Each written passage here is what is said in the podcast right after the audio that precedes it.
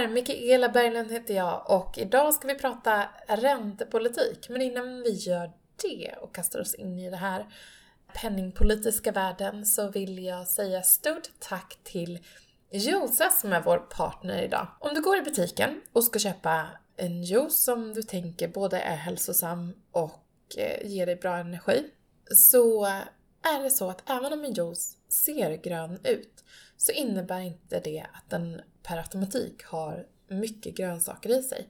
Det är faktiskt så att eh, många juicer har väldigt mycket frukt i sig och majoriteten frukt i sig. Det här tog Josa fast i för några år sedan och bestämde sig för att ta fram juicer som faktiskt bygger på grönsaker. Deras juicer har i snitt 80% grönsaker och det här kan jämföras med att de flesta andra juicer som ni hittar i butiken har mellan 65 och 70% frukt i sig. Så majoriteten frukt. Och de har alltså grönsaker som produceras så nära dig som möjligt. Du kan ställa det på nätet och då får det hemlevererat till din dörr i stora delar av landet. Det är ett superhärligt sätt att skapa goda vanor på helt enkelt.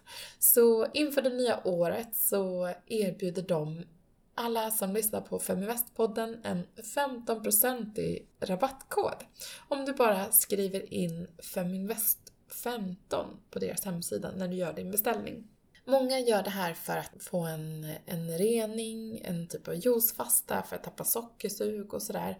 Men det kan också vara ett bra sätt att, eh, att faktiskt boosta kroppen med all den där näringen som den behöver regelbundet. Så gå in på josa.se och sen så gör du en beställning oavsett om det är en gång i veckan som du vill köra en juicefasta, kanske delar av en dag eller om du vill köra en hel dag eller kanske till och med några dagar för att verkligen eh, boosta kroppen. Och det här är ju inte någon typ av bantningsupplägg utan det här är ett sätt att verkligen se till att kroppen får den näringen som den behöver. Testa Josa och starta året med bästa tänkbara energi. Tack Josa för det! Så idag på morgonen så meddelade Riksbanken att man, som man tidigare indikerat, höjer räntan till 0,0% och sist vi låg på 0% eh, ja men det var ju när man sänkte till 0% i oktober 2014. Det är väldigt tudelade tankar om, om den här förändringen i, i räntan och och eh, olika argument finns för det. Man eh, menar från Riksbankens sida att inflationen har varit nära inflationsmålet om 2% sedan början av 2017 och att det finns goda förutsättningar för att den ska, kommer ligga kvar runt där framåt. Och därför har man bestämt sig för att höja reporäntan. Ytterligare en, en punkt som har bidragit till att man har fattat det här beslutet är ju skuldsättningen som man ser ligger på högre nivåer än tidigare. Men å andra sidan så visar väldigt mycket data att både arbetslösheten, arbetsmarknaden stagnerat något och att konjunkturen viker lite. Och det är ju med den här bakgrunden som ett par personer i, idag på morgonen reserverade sig till det här beslutet och det var eh, vice riksbankschefen Per Jansson som gjorde det och även Anna Breman som precis har kommit. Hon var tidigare chefsekonom på Swedbank. Och hon menar då motiverar sin, sitt avståndstagande till att hon menar att det är för tidigt för att göra en höjning bakgrund av de indikationer att konjunkturen kanske inte klarar, klarar det. Hon ville däremot att det skulle höjas under nästkommande år.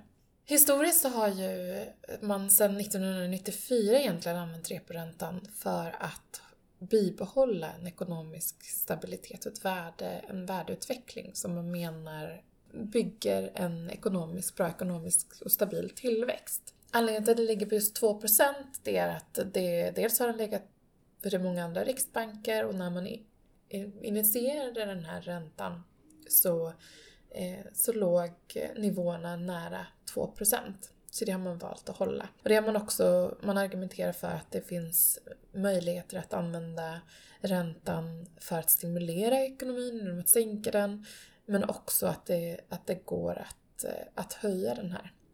Under 2018 så låg svensk BNP-tillväxt på 2,2 procent och i år så räknar Riksbanken att eh, BNP-tillväxten kommer att uppgå till 1,1 procent.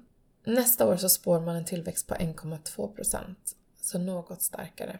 Samtidigt som man kollar på inflationen så låg den 2018 på 2,1 procent och i år så förväntar man sig en 1,7 procentig ökning och att nästa år så kommer det ligga kvar på de här nivåerna. Tidigare så trodde man att det skulle vara 1,8 inflationsökning. Riksbanken menar ju, kommunicerar ju såklart att om, om ekonomin skulle försämras så är de öppna för att eh, sänka räntan igen och om det skulle visa sig att den, att den förstärks i den kommande, i den kommande period, tidsperioden så, så räknar man med att, eh, att man kan höja den ytterligare. Så det återstår ju att se nu då om ekonomin kommer att utvecklas i det första kvartalet för 2020, det nya decenniet. Det man kan se och den kritiken som de som eh, ville höja räntan har fått är att konjunkturen ser ut att vika något och även att arbetsmarknaden inte är så stark utan att eh, arbetslösheten gått upp något och att de eh, flesta bolagen, eller att bolagen i större utsträckning nu kommunicerar att man inte vill anställa och är avvaktande där. Inflationsmålet började gälla 1995 och tanken är att det ska vara en vägledande indikation på ekonomin och man menar även att hög inflation skulle bli problematiskt för att då varierar den ofta, eller historiskt har det visat sig att den har varierat ganska mycket och det skapar osäkerhet. Men en låg inflation å andra sidan ökar ju risken för deflation. Det är ju att den allmänna prisnivån faller och även det har visat sig skapa problem. Det finns eh, även andra argument för att det ska ligga på runt 2% och det är ena att man menar att det finns ett bra utrymme för, för penningpolitiken att både vara expansiv och det vill säga att man sänker räntan för att eh, se till att, att man börjar handla mer i samhället helt enkelt. Eh, men också att man, eh, att man eh, har utrymme för att höja räntan mot bakgrund av att det till exempel ja, men, eh, går lite för, lite för bra för ekonomin och går lite för snabbt för att stabilisera. Prognosen för, för arbetslösheten framåt ligger på 6,9% för 2020, 7% för 2021 och 7,1% för 2022.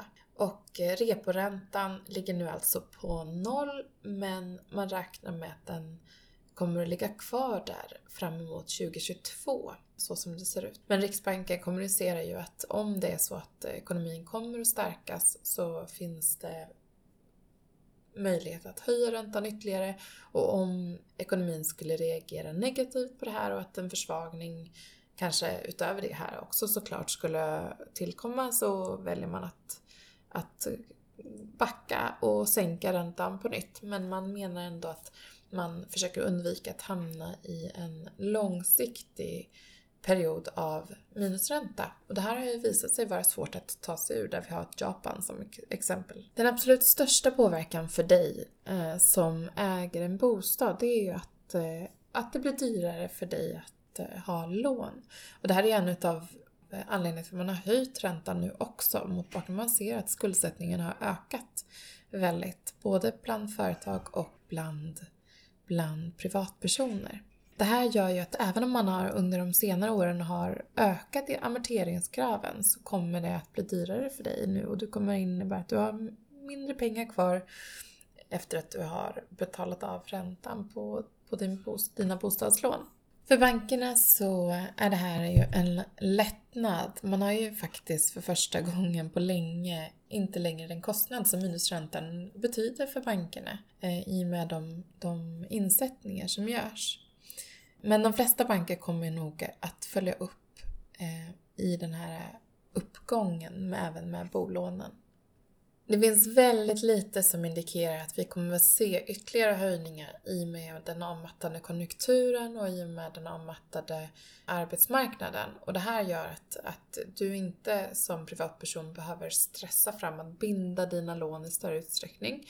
Eh, men eh, det är ändå ett tillfälle att eh, kolla runt och jämföra dina dina bolåneräntor. För att här så finns det möjlighet att, att spara pengar. För bankerna banker kommer att reagera lite olika och besvara den här reporäntehöjningen. Många av bankerna har räknat in en del av den här höjningen i de rörliga boräntorna. För det här är ju ingenting nytt utan Ingves har ju indikerat att, att det skulle komma en höjning idag. Dagens höjning innebär egentligen att den 8 januari 2020 så kommer reporäntan att ligga på noll. Reporäntan är ju Riksbankens styrränta.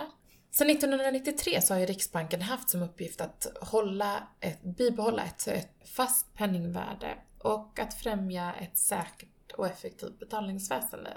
Man har också fått det här lag, lagstadgat. 1999 hände det. Men det allra viktigaste målet som även Riksbanken har fått lite kritik för, att man har hängt fast lite för mycket vid, är det här inflationsmålet om 2%. Och eh, vad man menar är att eh, man inte tror att den här senare samhällsutvecklingen som IT Bankernas utlåningsräntor följer ju reporäntan så att en en höjning av reporäntan innebär att eh, det finns en minskad investeringsvilja från dem eh, och därmed så blir det en, en dämpad konsumtion och även sjunkande, sjunkande börs historiskt. Och eh, efterfrågan och inflationen minskar. En höjning av reporäntan kyler ju av ekonomin och det är för att undvika en överhettning om det skulle vara högkonjunktur.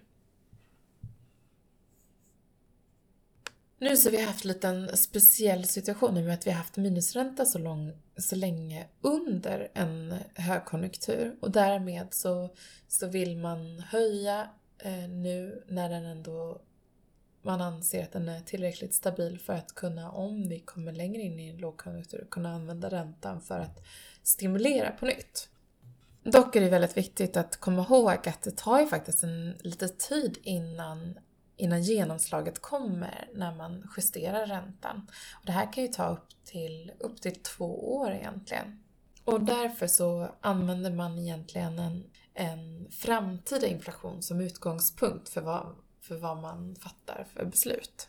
Konjunkturinstitutet eh, släppte ju en rapport dagen innan och de är lite kritiska till Riksbankens agerande mot bakgrund av att man ser att arbetslösheten stiger och att inflationen blir mycket lägre än vad Riksbanken hade som målsättning. Och man ser olika signaler från olika sektorer eh, där eh, tjänstesektorn bland annat ger ifrån sig dystra signaler.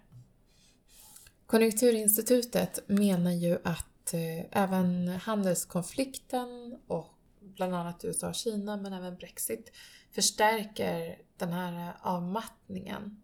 Men också att om man tittar faktiskt på den svenska ekonomin. Produktionen blir lite lägre och arbetslösheten blir högre än normalt. Och då är det för 2020 och 2021. Ja, mot bakgrund av det här så återstår det att se. Alltså, du kan faktiskt använda det som som möjlighet att se över dina bolån, som jag nämnde tidigare. Men sitt stilla i båten och bind inte upp dina bolån alldeles för snabbt. Utan nu ska det bli spännande att se vad som händer med, med svensk ekonomi. Vad kommer det här att leda till i det närmaste? Om vi kommer gå in i en, en mer nedåtgående spiral så kommer förmodligen räntan att sänkas längre fram. Men om det å andra sidan blir så att det tuffar på så, så finns det möjligheter för en höjning. Eh, men mycket indikerar att vi kommer ligga kvar på nollräntan ett bra tag till. Med det här avsnittet så vill jag tacka för det här året och för det här decenniet. Även om jag inte har jobbat med Feminvest under, under alla de här åren så, så ser jag fram emot att eh, träffa dig och eh, eh hålla kontakten i det nya decenniet, år 2020. En god jul önskar jag och ett gott nytt år. Härlighet att man kan säga så redan. Ha det i alla fall jättebra. Hej då! Följ Feminvest på våra kanaler Facebook, Instagram, Youtube Varje vecka så kommer vi även ut med en podd och du kan ju självklart även följa nyheterna som publiceras på feminvest.nu. Det är bara att söka på Feminvest på samtliga kanaler så hittar du till oss.